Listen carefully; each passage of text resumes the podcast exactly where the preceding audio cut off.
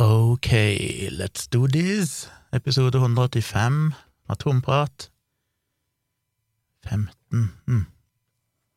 15 episoder til det er 200. Gikk fortere når jeg hadde en daglig podkast, som jeg jo hadde fram til 155 eller noe sånt. Nå er det jo bare to ganger i uka. Bare to ganger i uka. Så det går litt sakte framover. Kommer jeg til å nå 200 før samfunnet gjenåpnes? Tviler på det. Jeg er pessimistisk for tida når det gjelder gjenåpning av dette samfunnet. Men jeg har litt å snakke om i dag. Jeg skal innom eh, eh, bortgangen til en eh, kjent norsk vaksinemotstander som ironisk nok ser ut til å ha dødd av covid-19. Jeg er innom eh, kritisk tenking, et godt eksempel på hvor vanskelig det kan være. Og så vil jeg vel kanskje begynne med å ta opp igjen en liten tråd som jeg hadde her i, var det i forrige episode, da jeg svarte på et spørsmål angående amming og vaksinering. Og siden den gang så er det jo kommet, eh, eller det var kanskje allerede før da, men jeg fikk det ikke med meg før nå, så er det jo kommet noen studier som faktisk ser ut til å peke i veldig positiv retning. Jeg eh, hadde faktisk laga en link til en relevant artikkel allerede før forrige episode, men glemte den helt vekk og den henviser til et par studier, og så oppdaga jeg jo plutselig her For et par dager siden så var det noen som eh, Ei, la han skal vi se Dr. Zoe Hyde, en epidemiolog og biostatistiker ifra Gudene vet hvor hun er ifra. Ikke norsk, iallfall. Som eh, tvitra noe, og som sikkert ble retweeta av en eller annen dude jeg følger, som tok for seg det samme. Jeg kan jo først si den artikkelen, jeg skal lenke til den i shownotes, den kan være nyttig å lese, den er skrevet av en som kaller seg for Skeptical Raptor, som har nettside på skepticalraptor.com. En fyr jeg veldig ofte leser, har han i RSS-feeden min, så jeg prøver å få med meg det han poster, og bruker ofte han som kilde når jeg lurer på noe om vaksiner. Han skrev en artikkel 1. april, og dette er ikke noen aprilsnarr, men han skrev en artikkel da der han tok for seg nettopp effekten av covid-19-vaksine på immuniteten hos uh, mødre og babyen de eventuelt, eller etter hvert, fikk. Og det har kommet et par små studier på det. Han begynner artikkelen med å, å, gå gjennom egentlig hvordan immunforsvaret virker, og hvordan det funker med å bli overført til babyen, som får det gjennom uh, ja, både gjennom navlestrengen i kroppen og Ja, det er vel bare der. Um, der sier han Ja, jeg kan ikke noe om akkurat detaljene her. Immunsystemet er jo så komplekst, så det han skriver om, så sier han iallfall at de får alt gjennom navlestrengen, og de får ingenting mer av disse anti, antistoffene som heter IGG, immunoglobulin G. De får de bare gjennom blodet før de blir eh, kutta ifra navlestrengen, og de får ingenting mer av det gjennom morsmelk eller andre ting. Men de kan vel få andre antistoffer, eh, et eller annet, gjennom morsmelke, selv om, som jeg sa sist, så varer ikke de så fryktelig lenge. Ei heller de IGG-antistoffene Heter det antistoffer på norsk? Det høres plutselig så rart ut. Antibodies. Ja, anyway. Eh, de varer jo ca. et halvt år, det de får ifra mor si før de blir født. Så det gir jo en, eh, en begrensa beskyttelse i noen måneder fram til babyen etter hvert får utvikla sine egne antistoffer. Men over til vaksiner, som da er hovedpoenget i den artikkelen, så viser han til et eh, par studier som har sett på eh, damer som var gravide da de ble vaksinert, og noen som ble vaksinert mens de amma. Og det de fant, var for det første at vaksinen virka like godt på dem som på ikke-gravide kvinner, som vel er naturlig å anta, men det har jo ikke blitt uh, tatt med i disse studiene tidligere, disse fase tre-studiene før vaksinen ble godkjent. Så det er godt å få noe data på det. Det ser ut til å virke like godt. Men de fant òg at av de kvinnene som når studien ble gjort, hadde født sine barn, så fant de eh, var det mulig å spore antistoffet til nettopp SARS-CoV-2, altså det nye koronaviruset, i blodet hos, uh, i blodet fra navlestrengen. Og de fant òg at de kvinnene som amma, hadde antistoffet i brystmelket.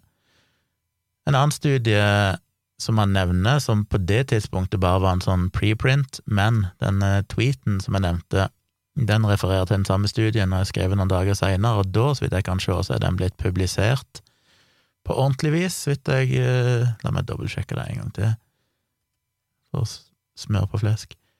Um, det står at den er published, og det vil jeg vel anta For dette er ikke bare på en sånn preprint-server, dette er i et tidsskrift som heter um, Infectious Diseases Nei, Clinical Infectious Diseases. Ja, det, så vidt jeg kan se, så er denne faktisk publisert nå, så det vil si at han da er fagfellevurdert og eh, godkjent, så han er, står litt sterkere nå iallfall enn eh, Ja, der står det at han er sist Han er Nei. Anyway, han står litt sterkere nå enn da Skeptical Raptor skrev sin artikkel. Men den finner, da, som hun viser med noen grafer, hun skriver at study of 20 women from Israel who had received at least one dose of the Pfizer BioNTech vaccine while pregnant. Antibodies were detected in all newborns, suggesting that vaccination during pregnancy may protect both the mother and infant. Nå er det litt mer uklart, for jeg får ikke tilgang til fullteksten av studien, om de hadde nok antistoffer til at det faktisk vil beskytte imot eh, koronainfeksjon, så i hvilken grad den, eh, de antistoffene er nyttige, om det er store nok mengder, sånn de detaljene vet jeg ikke. Her sier de jo bare at det er på en måte påvist at eh, de har fått overført antistoffet ifra mora gjennom navlestrengen. Men som sagt, en annen eh, studie, som òg bare var en sånn preprint foreløpig, jeg vet ikke hvor langt den er kommet seinere, den fant altså at det kunne overføre antistoffet gjennom, gjennom morsmelket. Så det er en god ting, og det viktige vi huske på her at nå snakker vi ikke om at de overfører vaksineingredienser eller evnen til å lage antistoffer mot eh, SARS-CoV-2 som de har fått fra vaksinen. De får overført de helt si, naturlige antistoffene som mora sjøl har produsert i sin kropp etter å ha blitt vaksinert, som jo er hele poenget med vaksinen. Så om hun hadde fått de antistoffene av å bli smitta eller av andre ting, heller enn en vaksine, så ville det jo vært akkurat det samme. Det er det samme immunforsvaret in action. Så jeg tenkte jeg ville bare nevne det, siden det var relevant til det jeg snakket om i forrige episode. Så det betyr at eh, er du gravid eller ammer, så er det iallfall data nå som peker i retning av at det kan hjelpe til å beskytte barnet ditt etter du blir født, eller når du ammer. Så det er iallfall en eh, positiv ting, og det ser ut til å være trygt for gravide og effektivt for gravide. Så må jeg si litt om en nyhetssak i dag. Og det har vært en sånn vanskelig sak å ta for seg, fordi det handler om en uh, kjent konspirasjonsteoretiker, og det er vel holdt jeg på å si, offentlig nok nå at uh, det dreier seg om en som heter Hans Gaarder.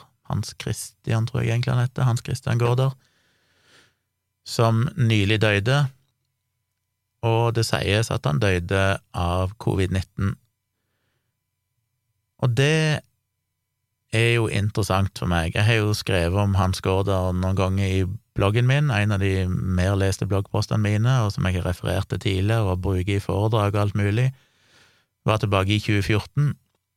Jeg var faktisk i Syden da, på Fuerteventura, på en eh, firmatur, og så eh, oppdaga jeg at Hans Gaarder skulle delta i en debatt på NRK radio sammen med Sveinung Sørby, da de skulle diskutere HPV-vaksinen. Den var jo relativt ny, da. Og eh, Sveinung Sørby har jeg jo samarbeida mye med, skrevet mye og fått hjelp av han opp gjennom tidene. Han er jo, har jo møtt han og fått omvisning på sykehuset der han er overlege, oppe i Tromsø. Og han har jo jobba mye med HPV, er vel en av Norges definitivt ledende eksperter på HPV-vaksine og for så vidt livmorhalskreft. Publisert vitenskapelige artikler om det, vært med på forskning og Og Hans Gaarder kalte seg da, ble presentert av NRK som en uavhengig helseforsker I praksis så har han jo absolutt ingen som helst messig helsefaglig bakgrunn, han driver jo bare og skriver konspirasjonsteorier og, og svada på nettet.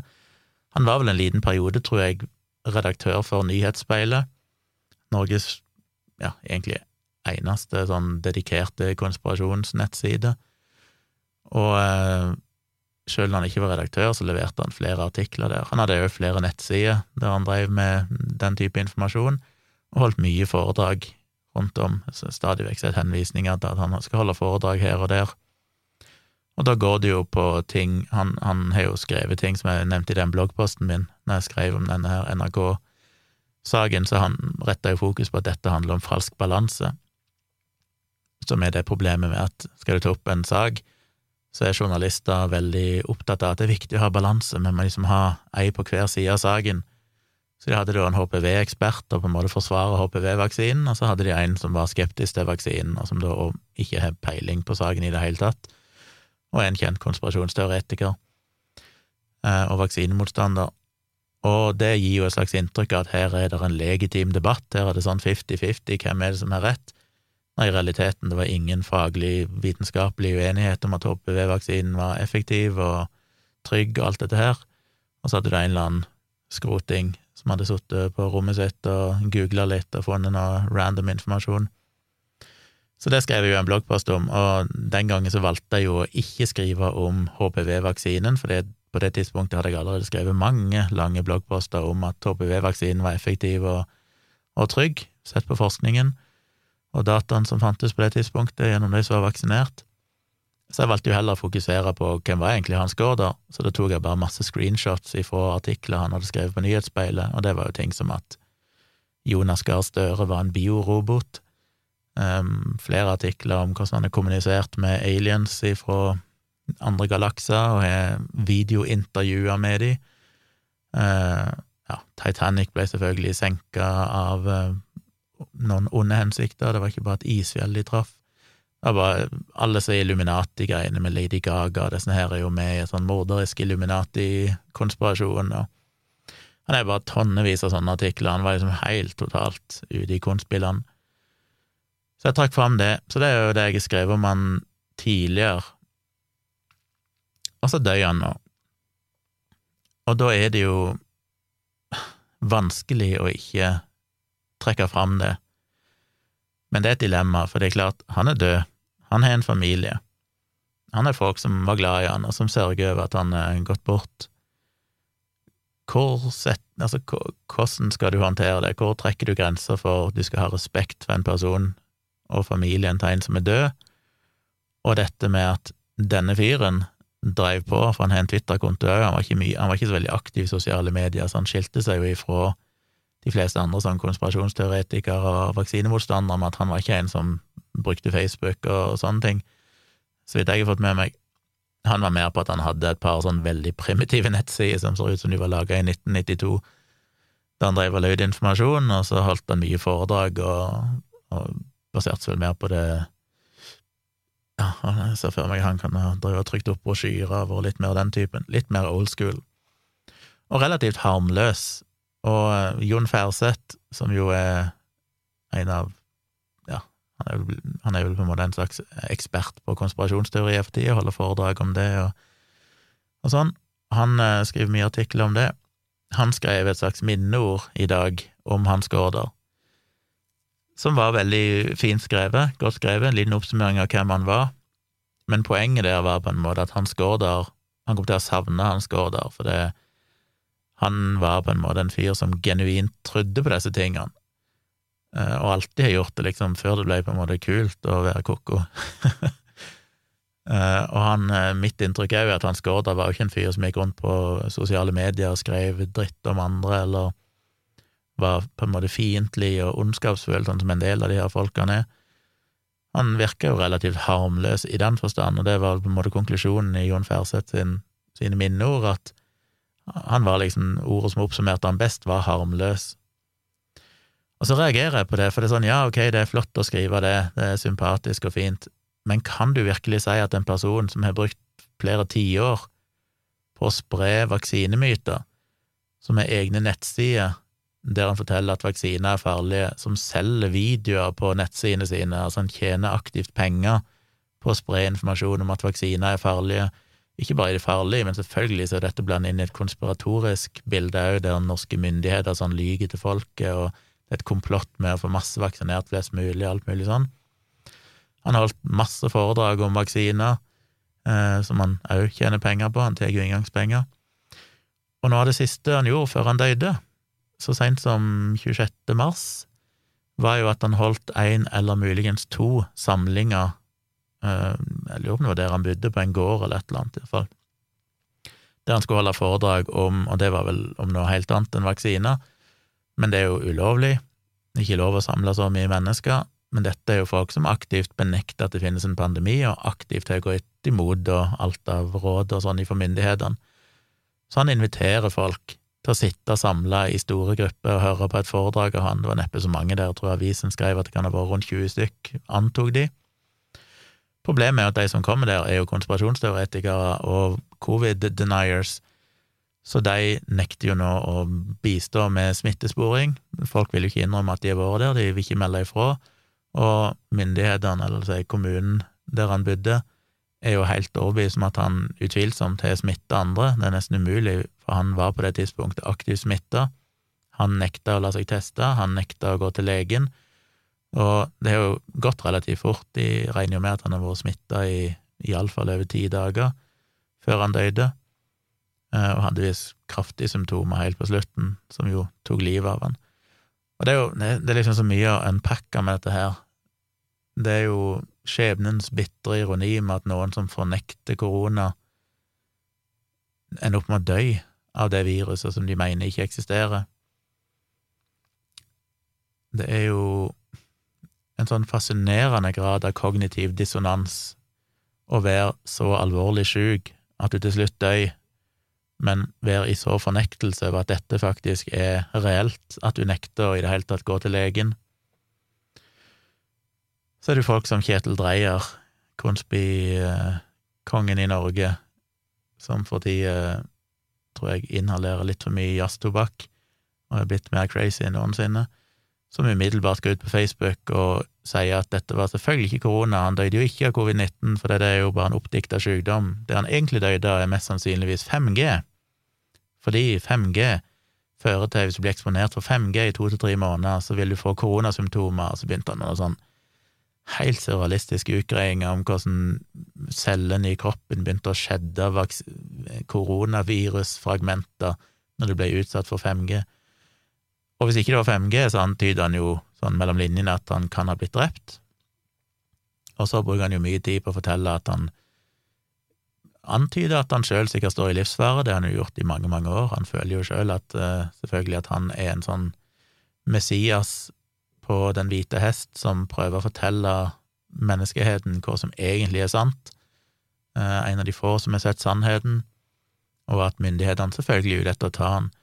Så han måtte jo bekrefte at eh, hvis han plutselig døde, og det ble sagt at han hadde tatt livet sitt, eller døde av sykdom, så ville han bare erklære her og nå at han var ikke syk, han kom aldri til å ta livet sitt, så da var det i så fall fake hvis han døde og sånn. Ja, det er bare fascinerende hvilken verden disse folkene lever i. Men Hans Gaarder er død, og det er trist, og det er forferdelig trist for de som sto han nær, selvfølgelig. Men allikevel så føler jeg, og det var det jeg gjorde jeg, Nå var ikke jeg først, da, men Øyvind Berg trakk fram dette på Twitter i noen tweets, og tok med noen screenshots fra lokalavisen som fortalte dette her om at de hadde arrangert disse arrangementene, og det var umulig å drive smittesporing, for det er de som var der, nekter jo å melde seg og, og si hvem andre som var til stede og sånn. Og dette var nå ganske problematisk, og det var nå nettopp en artikkel så det hadde kommet på nrk.no om denne saken. De nevner jo ikke navnet til Hans Gaarder, men eh, de skriver jo om det. Og det er jo snakk om at disse arrangementene sannsynligvis blir politianmeldt, for det er jo ulovlig å ha gjennomført de. Litt seint nå, da, siden han som sto bak de, er død, men det kan jo være andre som er ansvarlige òg. Men ja, så han skrev noe om det, og så retweeta jeg det, og så skrev jeg eh, min egen kommentar til det. Og så kom det jo selvfølgelig en tweet etter ei stund ifra ei som måtte påpeke at hun mente det var upassende å, å trekke fram dette nå og sånn, og la familien sørge og bla, bla, bla. Og det syns jeg er så vanskelig, for det er sånn, ja, i prinsippet så er jeg helt enig. Det er jo alltid noe med tid og sted. Men, og da måtte jeg retweete henne, en sånn quote-tweet jeg kunne legge til min kommentar, for jeg hadde mye på hjertet, og hvis jeg bare svarte henne, så må du liksom skrive en, skrive en tweet, og så poste den, og så må du skrive neste, og så poste, så er det ikke sikkert de kommer i riktig rekkefølge. Så jeg valgte å quote, uh, tweet, quote, uh, quote, retweete henne, sånn at jeg kunne skrive min egen Twitter-tråd, og tok for meg hvorfor jeg mente at det fortsatt var på sin plass, og den kan jeg lenke til i shownotes. Og det er blitt en del oppstyr på Twitter, masse De fleste ser ut til å være enige med meg, men det er mange som har retweeta og, og lika og kommentert, og så er det noen som er uenig. Men poenget mitt der er jo at det dør tusenvis av mennesker hver eneste dag av covid-19 i Europa for tida. Enda flere over hele verden. Når du har folk som har brukt sin karriere, sitt liv, på å fortelle at vaksiner er farlige, de fører til autisme, de inneholder livsfarlige stoffer, det er et komplott, komplott fra regjeringa. Og du ser på Twitter-kontoen hans at etter pandemien starta, så posta han flere tweets om covid-løgnen og hvordan covid bare var en, uh, var en fake pandemi, og promoterte en video som han selger på nettsidene sine, som forteller at vaksiner er farlige og fører til autisme og sånne ting. Da er det vanskelig å sympatisere veldig mye. Og da er det òg riktig, tror jeg, å bruke det som et skrekkeksempel, for det er det som er problemet, at skal du på en måte bare vise respekt og vente liksom til Hvor lenge skal du vente? Er det to dager? Er det ei uke? Er det en måned? Er det et halvt år du må vente før liksom du har lov å, å kommentere det? For det første så døy det jo da i mellomtida mange mennesker, og noen av de vil dø fordi de faktisk tror at vaksiner er farlige. I tillegg Ja, hva skal jeg si Ja, iallfall, jeg føler tida går, og det blir jo lenger du lar det gå, og hvis ikke du skal nevne navn Nå nevnte ikke jeg navn vel sjøl innledningsvis, men jeg retweeta jo Øyvind Berg, som hadde nevnt navnet hans. Hvis ikke du skal være spesifikk, så får òg budskapet et mye mindre mye mindre effekt. Som en annen påpekte i, en, i, et svar, så sa han det er liksom, til hun som kritiserte meg, så her, sa han det er liksom ikke så mye effekt å si at en eller annen person døde fordi han sa rare ting, eller sånn. Du må være spesifikk, du må si at denne personen, som er en kjent vaksinemotstander, og aktivt er fornekta pandemien, endte nå opp å dø av en pandemi han sjøl er fornekta. Det er de faktiske konsekvensene av den type fornektelse. Det er konsekvensene av å sette seg sjøl og sin egen ideologi over vitenskapen. Dette har faktisk reelle konsekvenser. Og ja, det er trist for familien hans, selvfølgelig er det det, men nettopp derfor må vi jo unngå at det skjer med andre, derfor må jo han kunne brukes som et eksempel på hvor galt det kan gå. Så det er vanskelig, og jeg ser at det selvfølgelig er, er komplisert, men jeg føler det litt for ofte blir brukt Nå aner ikke jeg hun som kritiserte meg, og hun skrev jo høflig og sånn, det var ikke noe alltid det hun skrev, og hun er lov å være uenig. Men jeg aner ikke hvor hun står. Eh, det virker ikke som at hun er noen vaksinemotstander. Men det er jo veldig vanlig at folk som er på partiet til den personen som døde, vil bruke det som et argument når folk kritiserer den personen, at å, det, det er liksom dårlig å å slå politisk mynt på en tragedie, som er den klassiske, selv om jeg er litt mer der at når det først skjer en tragedie, så er det jo akkurat da du må bruke det for alt det er verdt, for det er jo da det faktisk er gjennomslagskraft. Så man selvfølgelig bare veier sine ord og prøver å formulere det på en måte som er ikke skadelig for pårørende, og så videre. Men det er noe med det, jeg synes det er litt mye feighet i samfunnet, vi tør på en måte ikke ta tak i folk som gjør crazy ting eller har crazy ideer som faktisk har alvorlige konsekvenser, fordi vi skal alltid vise omsyn for de pårørende. Og hvis du da venter tre uker, en måned, med å kommentere det, og du da gjør det anonymt, så har det jo så mye mindre gjennomslagskraft, det blir helt verdiløst å i det hele tatt nevne det, omtrent, og dermed mister du en mulighet til å faktisk redde andre fra samme tragedien. Så jeg tror det er riktig, jeg tror det er nødvendig, og det går an å både ha sympati for at dette er tragisk for hans pårørende, og selvfølgelig han sjøl, og samtidig si at men dette er på en måte konsekvensen av å tro på ko-ko ting, og en person som har aktivt prøvd å få andre til å ikke vaksinere seg, og mest sannsynlig har lykkes, en må jo anta at det er en hel del som da har valgt å ikke vaksinere seg fordi de blant annet har blitt overbevist av hans sine foredrag eller skriverier. Og gudene vet hvor mange av de som har blitt alvorlig syke, eller potensielt sett døyd av et eller annet. Eh, det er jo klart Risikoen for å dø i Norge av å ikke vaksinere seg er mikroskopisk, fordi vi har flokkimmunitet mot de fleste sånne sykdommer som er farlige, men en må jo ta dette til sitt, til på en måte sitt uh, sin ytterste konsekvens, at hvis alle trodde på dette, så ville jo fryktelig mange dø, fordi da hadde ingen vært vaksinert. Og akkurat nå, i 2021, når vi har en pandemi som tar tusenvis av liv hver dag, og vi faktisk har vaksiner som beviselig redder livene, beskytter folk mot å dø, så er det jo ekstra ille at han da i løpet av de siste månedene har drevet og promotert eller pusha antivaksine-propaganda og anti-covid-propaganda. Ja, nå gjentar jeg meg sjøl, men uh, det var nå det jeg ville si. Jeg skjønner at det er komplisert, skjønner at det er vanskelig, men uh, jeg skal lenke til den bloggposten jeg har skrevet om han tidligere, jeg skal se om jeg har skrevet flere, og til de minneordene fra Jon Færseth, så kan dere jo lese det han skriver, og få et litt bedre bilde av hvem Hans Gaarder var. Og NRK-artikkelen bør vi kanskje òg lenke til, for den tar jo opp uh, det faktiske problemet nå med smittesporing og, og dette her. Så det var mine tanker om det, og jeg eh, Ja, nei, det får holde med det. Så fikk jeg et tips av uh, Erik Arnesen. Jeg må ha en uh, liten sipp av min Cola Zero. Det blir så fin lyd når jeg snakker i glasset. Blir tørr i kjeften av å prate. Eller før jeg tar det, så må jeg bare si jeg fikk tilsendt en artikkel som jeg ble først delt på Twitter, som jeg retweeta. Så han som jeg retweeta, sendte hele artikkelen til meg som PDF. Han ligger vel bak betalingsmur. En artikkel som kom i, i dag, torsdag 8. april, om Hvor er den ifra? Ja, en eller annen sikkert lokalavis. Koronaskeptikere, i hermetegn kjeftet ned både lærere og foreldre, så ble kommentarfeltet stengt.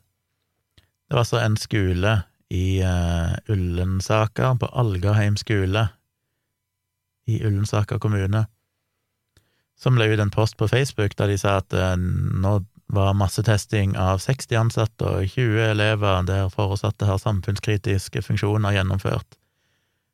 Uh, alle testene var negative, men dagen etterpå, i morgen altså, så skulle 400 elever testes, og de gleda seg til liksom å gjennomføre det på en trygg måte. Og så gikk jo kommentarfeltet bananas med folk som ja, var sånn stakkars barn som ble utsatt for dette, har foreldrene godkjente?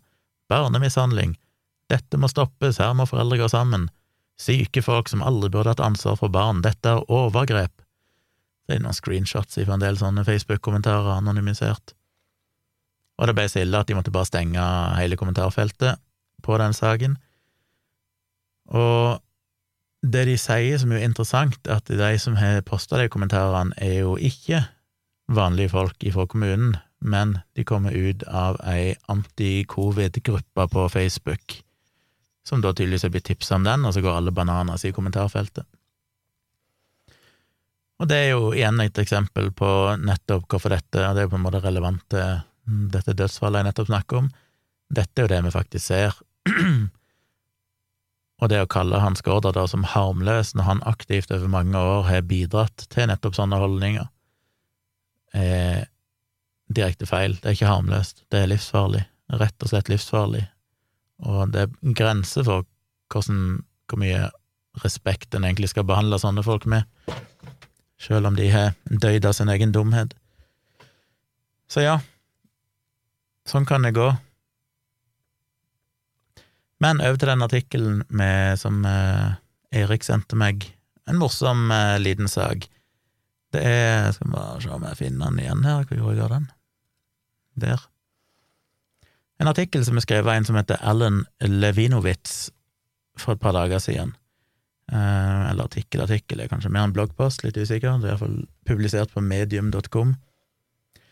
Han skrev ei bok, jeg vet ikke helt hvor lenge siden når den boka kom ut, men han har skrevet ei bok som heter uh, The Gluten Lie and Other Myths About What You Eat, som er en sånn uh, vitenskapelig, kritisk bok som tar for seg på en måte avslører all svadene innenfor helse som skjer, og ikke minst alle sånne fake dietter og alle sånne myter rundt kosthold og sånn. Jeg har ikke lest boka, men den høres jo fornuftig og, og bra ut. Eh, jeg tror Erik har lest den, som tipsa meg. Så han skrev en artikkel der han sier, bare kort fortalt, innledningsvis forteller han om at hans, eh, den, når den boka kom ut i Brasil, så fortalte hans publisist, nei, hva heter det, redaktør, ja, han som iallfall eh, driver det selskapet som publiserte boka i Brasil, det forlaget, han møtte ei dame som hadde spurt henne hva han drev med, så sa han at han hadde blant annet vært ansvarlig for å gi ut denne boka, da, The Gluten Lie, i Brasil, og da hadde hun blitt så oppjaga, å, så fantastisk, for det, mannen hennes hadde fulgt en revolusjonerende diett som var beskrevet i denne boka, og det hadde endra i livet hans. Han hadde gått ned i vekt, og han hadde masse helseproblemer som hadde forsvunnet. Og hun sa til han eh, forleggeren, er vel rett ordet, forleggeren, at eh, du må takke han forfatteren for at, hun, at han redda livet til mannen hennes med denne dietten som han kalte for unpacked diet. Og det er jo litt morsomt, fordi den såkalte unpacked diet, den var jo bare kødd. Eh, han hadde altså skrevet ei hel bok der han tok for seg alle disse måtene folk blir lurt på, og så som et eksempel så dikta han opp sin egen diett, og den var basert på å bruke så godt som alle helsemyter som finnes. Det var liksom appell til at alt var mye bedre før, når din bestemor var, var ung, da spiser de mye, mye bedre, eller du husker når du var ung og din bestemor serverte deg mat, det var mye sunnere og bedre mat, eller du kan gå tilbake til steinalderfolket eller masaiene i Afrika og så er det at kjemikalier er farlige, og så er det masse konspirasjonsteorier. Mye bruker ordet toxins. Men liksom peker på alle de her falske korrelasjoner. Han har en graf som viser at hvor mye flaskevann amerikanere har drukket år etter år. Som du sa, de drikker mer og mer flaskevann. Og så har han en annen graf som viser at eh, amerikanere blir feidere og feidere, og de grafene følger hverandre. Ergo så må det jo være sånn at de som drikker flaskevann, fører til at eh, folk blir feidere og teorien hans var jo ikke at vann var fetende, men at plasten i disse flaskene var farlig. Så han skriver mye, på en måte argumenterer for at eh, at til syvende og sist så viser det seg altså da cherrypicker han og data her og der fra noen vitenskapelige studier som skal underbygge poengene, som at det egentlig er emballasjen på maten som er både helsefarlig og fører til all slags sykdommer og kreft, og i tillegg øker, gjør at du blir feider. Og han peker både på plast, og liksom peker på det inneholder sånne og sånn kjemikalier, og med sånn og sånne helseeffekter, og ikke minst aluminiumsfolie, for aluminium er jo farlig. Alle vaksinemotstandere er jo livredde aluminium. Så han skriver på en måte om det, og dette hadde hun dama, eller mannen til hun dama, tatt til seg, og begynt å følge den dietten, som da hadde vært mirakuløs for han. Og det er ganske fascinerende, som han sjøl sier her, han mista jo litt sånn troen på menneskeheten, for det denne dietten han beskriver, kom jo da etter liksom 180 sider eller noe sånt, der han først debunker nettopp alle sånne typer påstander og sier at du skal ikke tro på det. Og så kommer han med denne dietten, som han beskriver over flere sider, men etterpå, på de sidene som følger etter, i kapittelet etterpå, så debunker han sin egen diett og på en måte forklarer hvorfor, hvorfor han triks han har brukt i den dietten, i måten han har beskrevet det på, hvordan han har liksom brukt forskjellige metoder for å appellere til folk sin, at folk skal tro på det, med både anekdoter og magiske tall og sånne ting. Og allikevel sendte jo da denne mannen opp med å tro at dette var en diett, og han var ikke den eneste, han skriver jo blant annet i den dietten at for eksempel eh, kaffe og te og sånn må, må du ikke få ifra papir som er bleka, så du, hvis du skulle trakte kaffe, så måtte du bare bruke hans unpacked eh, sertifiserte kaffefilter, som jo bare er bullshit. Og da hadde han selvfølgelig fått masse forespørsler der folk lurte på hvor de kunne få kjøpt dette her unpacked, eh, godkjente kaffefilteret, som er ganske deprimerende, ettersom det helt åpenbart var kødd, og han til og med forklarer at det er kødd i neste kapittel. Men allikevel så var folk så desperate etter en diett at de endte opp med å tro på det. Så han skriver i den artikkelen litt om nettopp det der med hvordan skal vi kommunisere vitenskap, hvordan skal vi drive vitenskapsformidling? Og det er jo et tema som står mitt hjerte veldig nært, og som jeg òg har drøfta mange ganger, både i bloggen min og var innom det i iallfall siste boka mi, og sikkert snakka om det i livestreams og ikke minst i foredrag. Jeg har holdt flere foredrag nettopp om det temaet, hvordan skal du drive vitenskapsformidling som funker? Det jeg holdt blant annet for Folkehelseinstituttet, Legeforeningen, nordiske helsemyndigheter. Og der har jeg trukket fram nettopp de der problemene, og jeg har brukt min egen blogg som eksempel, siden det er derfor jeg er blitt invitert til å holde de foredragene, og vise deg hvordan jeg sjøl har liksom prøvd forskjellige metoder, at det er vanskelig å vite hvordan du skal nå fram. Um, og dette er sikkert snakk om til det kjedsommelige tidligere, men, men for meg så er det jo alltid vært sånn hovedpunkt at av alle de hundrevis av bloggpostene jeg har skrevet, så er det jo på en måte ikke konklusjonen som er det viktigste. Folk trenger jo egentlig ikke være enig i min konklusjon, og jeg har sikkert tatt feil mange ganger. Men det er metoden jeg bruker som er viktig. Det er det at folk ser at jeg prøver å finne ut av ting gjennom å liksom sjekke forskning, og jeg prøver å forklare hvordan du skiller god forskning for dårlig forskning, eller hvordan du kan skille gode artikler for dårlige artikler Alt dette her, det er jo metoden som er det viktige. Eh, og det er jo det jeg håper folk skal lære av. Folk skal ikke huske at ja, Kjomli skrev at sånn og sånn var tull, men de skal huske at gjennom hundrevis av bloggposter så har jeg vist en metode for å prøve å finne sannheten. Og den kan endre seg etter hvert som vi får mer data, som er jo grunnen til at jeg har skrevet et par bloggposter der jeg ramser opp ting som jeg har tatt feil om tidligere og har endra mening om, enten fordi jeg hadde for lite kunnskap eller bare tok feil tidligere, eller fordi dataene endrer seg over tid, og ting er blitt litt annerledes. Eh, så dette syns jeg jo er veldig interessant. Og jeg òg, når jeg har holdt foredrag om dette, så har jeg òg snakka litt om hvordan gir du god vaksineinformasjon. Og jeg har jo sjøl prøvd meg på forskjellige metoder. Jeg har selvfølgelig skrevet mange, mange, mange titalls bloggposter, ja, sikkert hundretalls, om eh, vaksiner der jeg går veldig sånn faktamessig saklig gjennom forskningen og sånn. Og det funker jo for en del, kanskje for mange. Jeg tror det er en veldig effektiv metode. Eh, det har jo tidligere vært en idé om at du hadde denne backfire-effekten, som gjør at hvis du har folk som eksempel tror at vaksiner fører til autisme, og du gir dem en artikkel som på en måte debunker den påstanden, sender de gjerne opp med å tro enda sterkere på at vaksiner fører til autisme etterpå, fordi folk ønsker å beskytte sine egne ideer, og de føler seg på en måte trua av motsatte ideer, og heller enn å akseptere at ok, kanskje jeg tok feil, så ender de opp med å liksom bare double down og tro enda hardere på den feilen de trodde på tidligere, fordi de vil på en måte ikke innrømme at de kan ha tatt feil. Ikke minst så føyer det seg ofte inn i hele livssynet deres, det liksom harmonerer med andre ting de tror på, og det er vanskelig å bare gi slipp på ett element, for da må du kanskje revurdere alt du tror på. Så det er mange sånne mekanismer som gjør at det er vanskelig å endre folk sine ideer, inklusiv mine. Jeg, vi er jo alle like mye ramma av disse tingene, jeg er jo like mye et offer for de psykologiske mekanismene. Så målet er jo bare å prøve å være klar over de, og liksom prøve å overkomme de, og være mest mulig ærlig og redelig. Men så er det jo vært en del nye studier, for tidligere så var dette veldig sånn opplest og vedtatt at denne backfire-effekten var problematisk, og jeg husker jeg skrev en bloggpost om nettopp det for noen år siden, som handler om, eh, hadde som tittel en sånn 'Gjør jeg vondt eh, verre ved å eksponere vaksinemyter', eller noe sånt. Fordi jeg ble litt redd for at ja, både backfire-effekten kunne gjøre at folk som fant bloggen min, og der jeg skrev om at nei, vaksiner fører ikke til autisme, da endte opp med å kanskje bare tro enda mer på den feilen. Men òg fordi at folks hukommelse er veldig dårlig.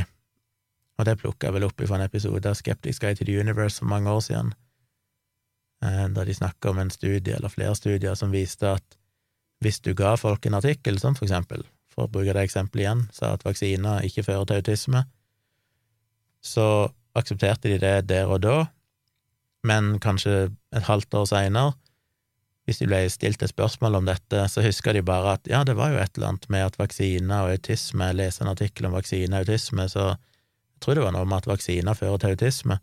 Så er det det de husker, at vaksiner fører til autisme, ikke at artikkelen faktisk sa at det ikke stemte. Så det er jo òg problematisk. Så jeg på en måte måtte gå litt i meg sjøl og skrive litt om når jeg driver og eksponerer vaksinemyte etter vaksinemyte for folk, folk som kanskje aldri har hørt om disse tingene før, ender jeg bare opp med å plante ideer i hodet til folk som de da et halvt år seinere går og tenker at hm, leste jeg ikke et eller annet om at uh, aluminium i vaksiner var, førte til brystkreft? Heller enn å huske at jeg da skrev at uh, nei, forskningen viser at det faktisk ikke er tilfellet. Så alt dette er vanskelig. Og så skriver jo han som har skrevet den artikkelen, som foreleser om disse tingene på universitetsnivå, så vidt jeg har skjønt. Han skriver litt om hvordan han prøver å lære sine studenter å, og, og tenke kritisk, og bruker blant annet video av en video han har av en sånn faith healer, en sånn religiøs uh, healer, helbreder, som på en måte mirakuløst helbreder synet til ei jente, og så på en måte viser han eh, eller teknikkene de bruker i den videoen, med både musikk og spiller på følelser og alt det der, for å gi deg inntrykk av at det skjedde et mirakel, selv om det er ingenting som blir dokumentert i videoen om at denne jenta faktisk fikk synet tilbake.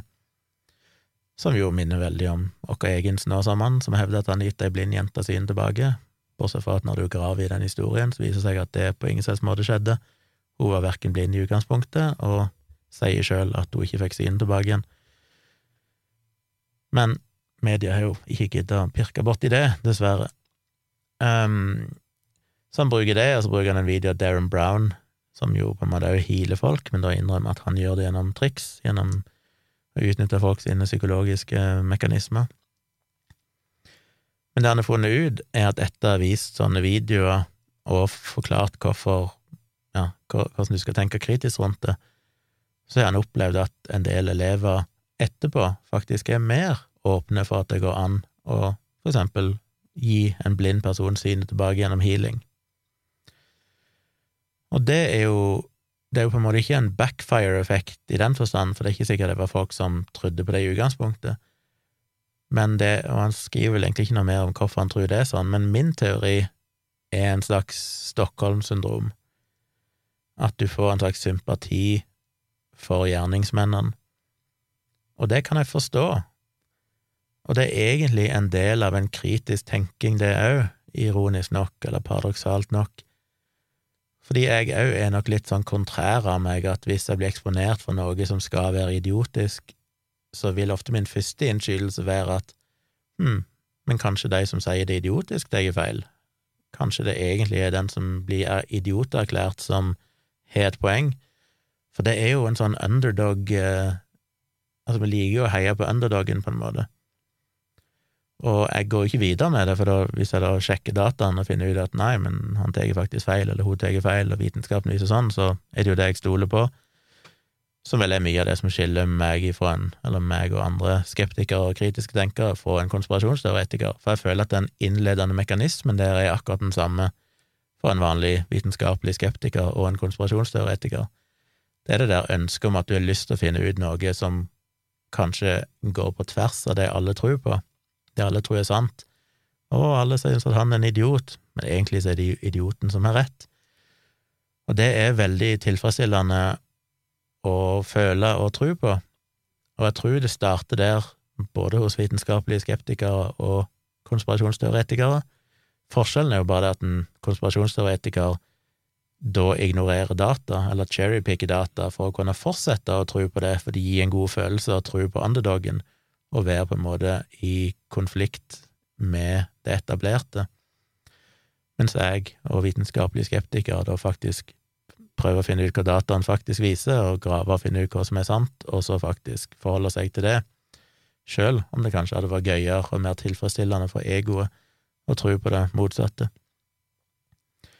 Og det tror jeg kanskje er det som skjer i disse tilfellene, for jeg kjenner meg igjen i det. Når du har, kanskje før meg at du har studenter på et universitet som kanskje ikke har tenkt så mye over de her tingene før, men i utgangspunktet er vitenskapelig ja, retta i hjernen sin.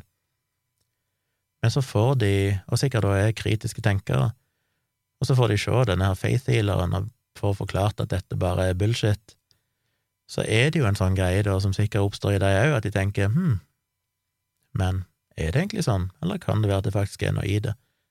Og så ender du egentlig opp da med å, å bli mer åpen, fordi at du har lyst å være balansert, litt som jeg snakka om tidligere, med media og falsk balanse. Jeg tror det er noe som sitter i ryggmargen til folk som meg, og sikkert dere som hører på. Den der vi har lyst til å være rettferdige, vi har lyst til å være balanserte, vi har lyst til å på en måte gi alle en, en fair chance, som er sånn kjernene i skeptisisme for meg, det er som du har lyst til å være ærlig og redelig og finne den faktiske sannheten. Og det ironiske er at for meg så er jo det definisjonen av å være open-minded. Selv om det er jo konspirasjonsteoretikerne og sånn, alternativfolk som hevder de er open-minded, men de er jo ikke det. De har jo bare valgt å tro på det som passer de. Jeg føler at en ekte skeptiker går jo inn med det samme. Jeg har jo en sånn genuin open-minded følelse. Jeg ønsker å tro på disse tingene. Jeg mener, jeg prøvde jo i så mange år å være kristen. Da ble jeg heala av han der healeren direkte på NRK radio, eller ikke direkte, men i et opptak på NRK radio som jeg blogger om, og som jeg bruker innledningsvis i Placebo-defekten, boken min, så hadde jeg òg lyst å føle noe. Jeg hadde lyst at han skulle heale meg. Selv om jeg var skeptiker og ikke tror på healing, så hadde jeg lyst til å gi mannen en fair chance, jeg hadde lyst til å oppleve noe, sånn at jeg òg kunne være en av de som sier fuck it, jeg var kanskje skeptiker før, men vet dere hva? det er faktisk sant. Det går an å heale. Jeg opplevde det sjøl. Men det skjedde jo ikke. Pluss at jeg ville jo ikke ha reagert sånn heller, bare fordi at min subjektive opplevelse ville ikke vært bevis for noen ting som helst, men det ville vært en opplevelse som hadde kanskje gjort at jeg ble mer åpen for å ikke være så kritisk. Jeg vet ikke. Anyway, jeg tror iallfall det er definisjonen av en en god skeptiker er jo at vi i utgangspunktet er open-minded. Vi ønsker å være kontrære, vi ønsker å gi alle en fair chance, men dessverre så kommer de der fuckings vitenskapelige dataene i veien og gjør at vi må forholde oss til dem, og ikke kan bare nyte vår egen fortreffelighet eh, og våre egne vrangforestillinger, selv om de føles så ufattelig gode av og til. Tilfredsstillende. Så det er en interessant eh, artikkel som jo viser litt hvordan mennesker fungerer, og jeg skal lenke til den selvfølgelig, for det, han er ikke så veldig lang, men den, den drøfter ganske greit en del av de her eh, Jeg sa det med backfire-effekten, jeg forklarte jo litt hva backfire-effekten var, men nå husker jeg ikke om jeg påpekte at selv om det var en slags vitenskapelig sannhet for noen år siden, at backfire-effekten var reell, så er det mer og mer forskning nå som tyder på at den ikke er det. At det ser ut som at hvis du faktisk presenterer folk for gode data og gode argumenter, så, så ender faktisk folk opp uh, veldig ofte med å akseptere det. Det kommer selvfølgelig an på hvor du er på spekteret av uh, denialism. Er du helt på ytterkanten, så er det vel ingenting som kan endre dine meninger, men er du mer en sånn gjerdesitter som kanskje bare tror på et eller annet, men det er ikke noe du har investert hele din identitet i, så er det faktisk ganske effektivt å endre folk sine meninger med gode argumenter og vitenskapelige data. Så den backfire-effekten er kanskje ikke så avskrekkende som en tidligere trodde, ut ifra de studiene som er kommet. Og um, det slo meg òg at han skriver litt i den artikkelen om hvordan folk på den alternative og konspiratoriske sida sånn, folk som promoterer falske dietter og falske helsemyter, falske kostholdsmyter, er veldig flinke til å spille på nettopp anekdoter, altså folk sine historier, enkelthistorier. Det virker for meg, type historier. Og òg fortelle et narrativ som appellerer til følelsene, igjen som han da prøvde å gjøre i denne falske dietten sin, med å appellere til varme, gode minner om maten du fikk hos bestemor, eller romantiske ideer om hvordan ting var for 1000 år siden, 5000 år siden der alle bare levde det enkle liv og spiste ifra naturen, og alle levde et perfekt, sunt liv, selv om det ikke helt stemmer med det vi vet i dag. Og ikke minst at levealderen har jo økt ganske betraktelig siden den tida din bestemor var ung, og de stort sett uh, spiste ganske crappy mat i stor grad, som gjorde at alle daua av hjerteinfarkt og kreft og sånn, når vi i stor grad slipper nå, fordi vi faktisk spiser mye sunnere enn det de gjorde i gamle dager. Men alle de her mekanismene med å appellere til sånne varme, gode, emosjonelle historier og sånne ting, eh, er jo noe han diskuterer litt, liksom, er det noe vi burde bli flinkere til, vi som driver med vitenskapsformidling? Eller skal vi på en måte, for det faren med det er jo at du ender opp med å bruke en form for manipulasjon. Du ønsker jo å på en måte manipulere leseren eller lytteren eller seeren din. Eller skal en på en måte mer gå for den der nøkterne, bare sånn her er problemstillinga, dette er påstanden, her er fakta. Og det er vanskelig å vite, og som jeg begynte med tidligere, men ikke fullførte, så har jeg prøvd mange av disse metodene i bloggen min. Jeg har jo mange bloggposter der jeg bruker den der nøkterne, kalde frem eh, der bare liksom viser til fakta og forskning. Det tror jeg, som sagt, og det vet jeg gjennom folk som har maila meg og snakka med meg, og jeg har får folk til å endre mening om ting, at det faktisk funker. Men det funker kanskje ikke for alle, og til og med for ett og ett menneske så man kanskje ha input av forskjellige metoder. Så jeg har jo prøvd meg med humor og ironi, jeg har prøvd meg med å appellere til følelser, med å fortelle om ja, Roald Dahl som mista sin datter til meslinger. Han skrev jo en, en fortelling om det, eller en uh, beretning om det, som er gripende. Uh, folk i kommentarfeltet mitt har skrevet historier om sin oppvekst der de ikke fikk vaksiner og konsekvensene av det, og så jeg løfta det fram i, i bloggposter for å vise det. Og kanskje nå, med dette dødsfallet av Hans Gaarder, kanskje han òg må bruke de tragiske konsekvensene som et virkemiddel. Men jeg har prøvd meg på forskjellige metoder, for jeg tror at du må gå bredt ut. Jeg tror ikke det er én metode som funker for alle. Så det at jeg har skrevet såpass mye som jeg har, og prøvd å variere litt, iallfall, i måten jeg gjør det på, er jo fordi jeg prøver å finne en vei og liksom trenge gjennom eller forbi de her forsvarsmurene som folk er. Når de tror på et eller annet, så kan det være vanskelig å, å liksom finne den lille sprekken i forsvarsmuren deres, der du kan så et lite frø av fornuft, og håpe at det frøet får gro og sprenge seg gjennom muren og komme inn til hjertet til denne personen, eller helst hjernen, da. Eh, frø i hjernen, ja, det fikk meg til å tenke på kugalskap og et eller annet sånt, det er sikkert ikke sunt, eller parasitter på hjernen. Nei, men eh, så jeg prøver meg på mange forskjellige metoder, det er det skriver, han skriver om her òg.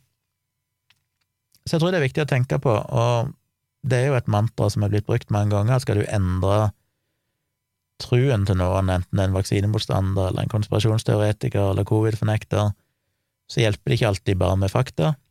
Du må òg kunne presentere et alternativt narrativ som appellerer til den personen. Og med det menes jo at det er ikke nok å bare si at dette er feil og dette er feil og sånn og sånn er sant. Men de har jo en historie, det henger sammen for dem, de får ting til å passe sammen, det er jo mønstergjenkjenning i høygir, som jeg har snakka og skrevet om mye, dette her med at folk som er konspiratoriske og sånn, gjerne ser ofte til mønster i tilfeldige sammenhenger, der de får ting til å falle på plass, og det gir de en følelse av mening og kontroll og alt det der systemet i universet. Og det, da hjelper det ikke om du påpeker at det og det er feil, for at eh, du presenterer ikke et en bedre historie for dem, en bedre historie å tro på. Og det er ganske krevende, for du må altså både få fram hva som er sant, og hva som er feil, men samtidig òg få det til å henge inn i en sammenhengende historie som er et bedre alternativ, et mer attraktivt alternativ å faktisk tro på, og som kanskje òg da forhåpentligvis kan resonnere med noe de tror på ifra før. Det er litt som å Ja, Hvis en vaksinemotstander går på en vei, du ser for deg en vei framover, så hjelper det kanskje ikke å bare komme på en parallell vei og si 'her er min vei', det er dette som er sannheten, for de går på sin vei, og den veien funker helt fint. Men hvis du heller kan lage en liten avstikker der framme, et lite alternativ som kanskje springer ut ifra det de allerede tror på, som resonnerer med et eller annet som passer overens med det de tror på, som er connecta til den veien de allerede går, men gi de et slags insentiv eller en mulighet til å ta en avstikker uten at de mister ansikt, og så videre, så er nok det den beste og kanskje eneste veien for en del å få de til å endre mening. Og det er krevende. Det krever tålmodighet, det krever kløkt, og jeg mislykkes veldig ofte i det. Men jeg har jo lykkes noen ganger, heldigvis, så det er ikke helt bortkasta, det jeg driver med. Um, ja, interessant artikkel. Les gjerne den, en Der lenker han jo til diverse andre artikler og disse YouTube-videoene som han bruker som eksempel og sånn. Um, og les helt sikkert bok òg. Jeg merker jeg fikk litt lyst til å lese den sjøl. The Gluten Lie. Jeg fikk en del screenshots av Erik, der han viste meg screenshots av de sidene som faktisk inneholdt denne fake dietten, og hvordan han hadde avkledd den etterpå og sånn. Virker veldig underholdende. Så sjekk gjerne ut den hvis dere har lyst på noe godt lesestoff. Det var vel det jeg hadde å si. Nå ser jeg at Twitteren min har eksplodert her i mellomtida, så jeg får eh, ta en liten kikk på hva som faktisk er skrevet der, siden jeg begynte å prate. Ellers, bare sånn eh, på slutten med Hva er det jeg har sett på TV i det siste? Vi begynte å Vi så en eh, dokumentar på var det, var det bare fire episoder, eller seks episoder? På Netflix, tror jeg han gikk som heter The Yorkshire Ripper, som handler om en drapsmann, en seriemorder, i eh, Storbritannia, i England, på slutten av 70-tallet og litt inn på 80-tallet, som drepte et lass med damer, litt i samme stil som Jack the Ripper, som levde 100 år tidligere.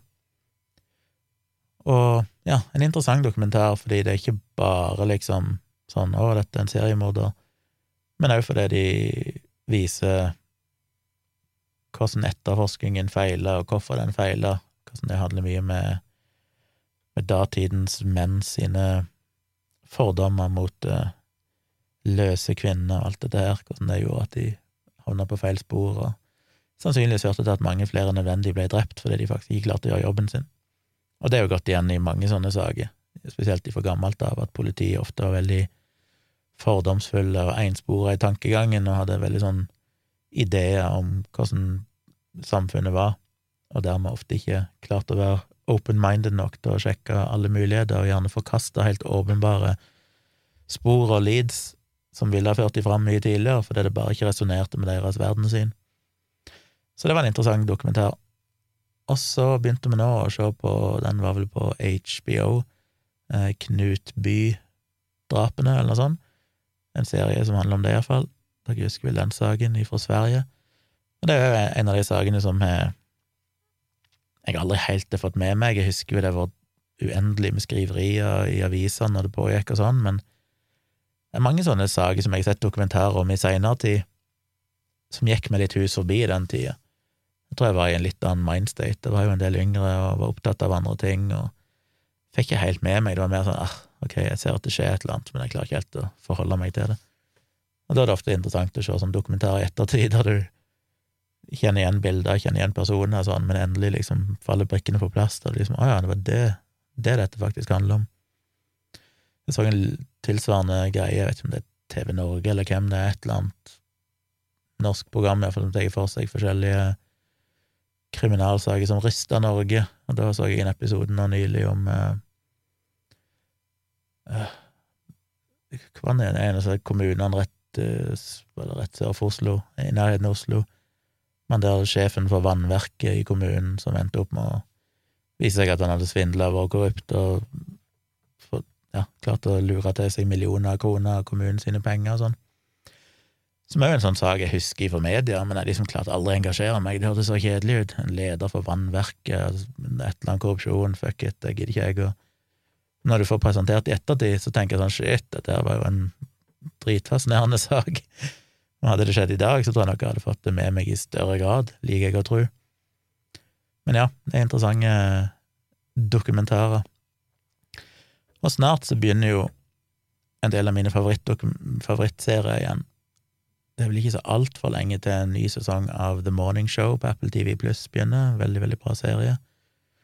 Og en ny sesong av Mythic Quest, som også går på Apple TV, som er morsom, spesielt for alle nerder der ute som liker dataspill og skjønner IT-humor. Og de kom òg med De hadde en sånn koronaspesial etter pandemien starta, Det var vel i fjor vår, tror jeg, eller var det høst? Det var kanskje i høst, jeg husker ikke helt. Og nå kommer de visst med en til sånn koronaspesial, som visstnok skal handle om at alle endelig møtes igjen etter lockdown i månedsvis og sånn. Som er en sånn liten sånn bonusepisode som kommer en stund før serien faktisk begynner igjen. Litt sånn løsreven episode. Så den gleder jeg meg til. Så det er mye, mye som dukker opp framover nå av serier, tror jeg, som er nye sesonger og sånn. Men ja, jeg skal holde dere oppdatert når jeg begynner å se, hvis jeg husker det. Jeg har fått noen mailer på min eh, mailadresse tompratpodkast.gmail.com. Ja, nå fikk jeg en mail as we speak med en link til en YouTube-video som ikke jeg har sett, aner ikke hva det er. Uh, har jeg jo har fått uh, et par hyggelige meldinger og mailer etter forrige ukes podkast, eller ikke forrige uke, men uh, tidligere denne ukas forrige episode, heter det. Det er jeg bare litt nedfor, og det er motivert. Og det er jo hyggelig, veldig hyggelig. Takk for positive tilbakemeldinger. Det er jo Det var jo ikke Jeg sa det jo ikke for at jeg ønska at folk skulle begynne å si å, men det at folk skal si fine ting, men det er veldig, veldig hyggelig at folk tar seg bryet til det uansett. Det er alltid en opptur, enten jeg sutrer om det eller ikke, så, så betyr det ekstremt mye å få positive tilbakemeldinger. Um, jeg sa det i en livestream her for et par uker siden, det var ei som bare kom inn i chatten og sa sånn, ja, 'Veldig bra podkastepisode du hadde i dag'. Og Det er utrolig hvor mye det betyr, for det er sånn jeg sitter og snakker, sånn var det jo med dialogisk òg, drev på i tre år, prata og prata og prata, og fikk jo hyggelige tilbakemeldinger, men det var ofte langt mellom de, på en måte, så du lurer liksom alltid litt på sånn, ja, syns folk vi er helt idioter, eller liker folk dette, eller Jeg vet det er idiotisk, for det, en får jo jevnlig positive tilbakemeldinger, men allikevel så mister jeg tiltroen til meg sjøl så utrolig fort. Sånn dagen etter jeg har fått en positiv tilbakemelding, så er jeg fortsatt tilbake igjen med at det er sikkert ingen som liker dette, er det noe vits i å fortsette? Alt jeg har sagt, er bare idiotisk, og så gidder folk å høre den stemmen min mer? Så det betyr veldig mye å få positive tilbakemeldinger. Så takk til, til dere som har sendt meg mail og sånn, setter jeg veldig pris på. Og så har jeg fått uh, mailer med noen spørsmål jeg skal ta opp. En som ville jeg skulle snakke litt mer om fri vilje og determinisme. Og det kan det godt være jeg gjør, men jeg har ikke hørt den episoden av Sam Harris der han på en måte oppsummerer sitt standpunkt om det, som jeg uh, vet eksisterer, og som mail, han som maila meg, minte meg på. Så jeg tror jeg har litt lyst til å høre den først, bare for å ja, ha det i bakhovet, hvis jeg eventuelt snakker om det. Og så fikk jeg jo den mailen som jeg nevnte sist, med han som skrev lenker med mange lenker punkter jeg kunne ta opp, og den har jeg ikke rukket å se på heller, fordi jeg jobba mye, og jeg hadde egentlig nok å snakke om i den episoden som var høyaktuelt, så Men jeg kommer tilbake til det. Så fortsett gjerne å sende mail til tompratpodkast.gmil.com, gjerne med spørsmål, eh, og det trenger ikke bare være om vitenskap og sånn, det kan òg være om hva jeg føler og tenker om ting i mitt private liv, som jeg snakka om tidligere, og syns det er spesielt gøy å snakke om, for da trenger jeg ikke forberede meg, da kan jeg bare dele mine tanker og følelser om ting. Så det synes jeg er veldig gøy. Ingen spørsmål er for personlige eller for uh, dumme. Uh, er de det, så velger jeg å ikke snakke om de, så det, det skader ikke å spørre.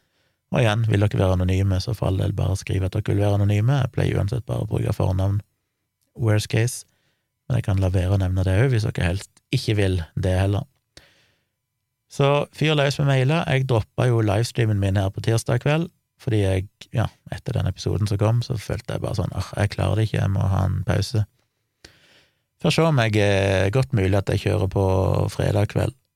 Eh, at jeg har fått tilbake en eh, litt av gnisten etter en liten pause. Vi får se, jeg lover ingenting, men jeg legger ut eh, streamen på YouTube i forveien, så dere kan bare følge med, så skal jeg prøve å tvitre det, og dukke opp på Facebook og sånne ting, så følg gjerne med der på Saksynt på Facebook, eller følg min Twitter-konto, som er Civix, C-I-V-I-X, på Twitter og for så vidt på Instagram òg. Så får dere med dere ting som skjer. Så da ble det jo plutselig en lang episode allikevel. Takk for at du har hørt på så lenge. Jeg håper det var opplysende og nyttig. Igjen, jeg sier sikkert ting som er feil. Jeg, dette er jo stort sett improvisert, så hvis det er ting jeg sier som er dumt eller feil, bruk mailen min. Korriger meg. Send meg mail, så jeg kan få retta det opp i neste episode. Da ønsker jeg dere en fin fredag og en fin helg, og dukk gjerne opp på livestreamen min, og hvis ikke, så er jeg tilbake igjen på tirsdag med en ny episode.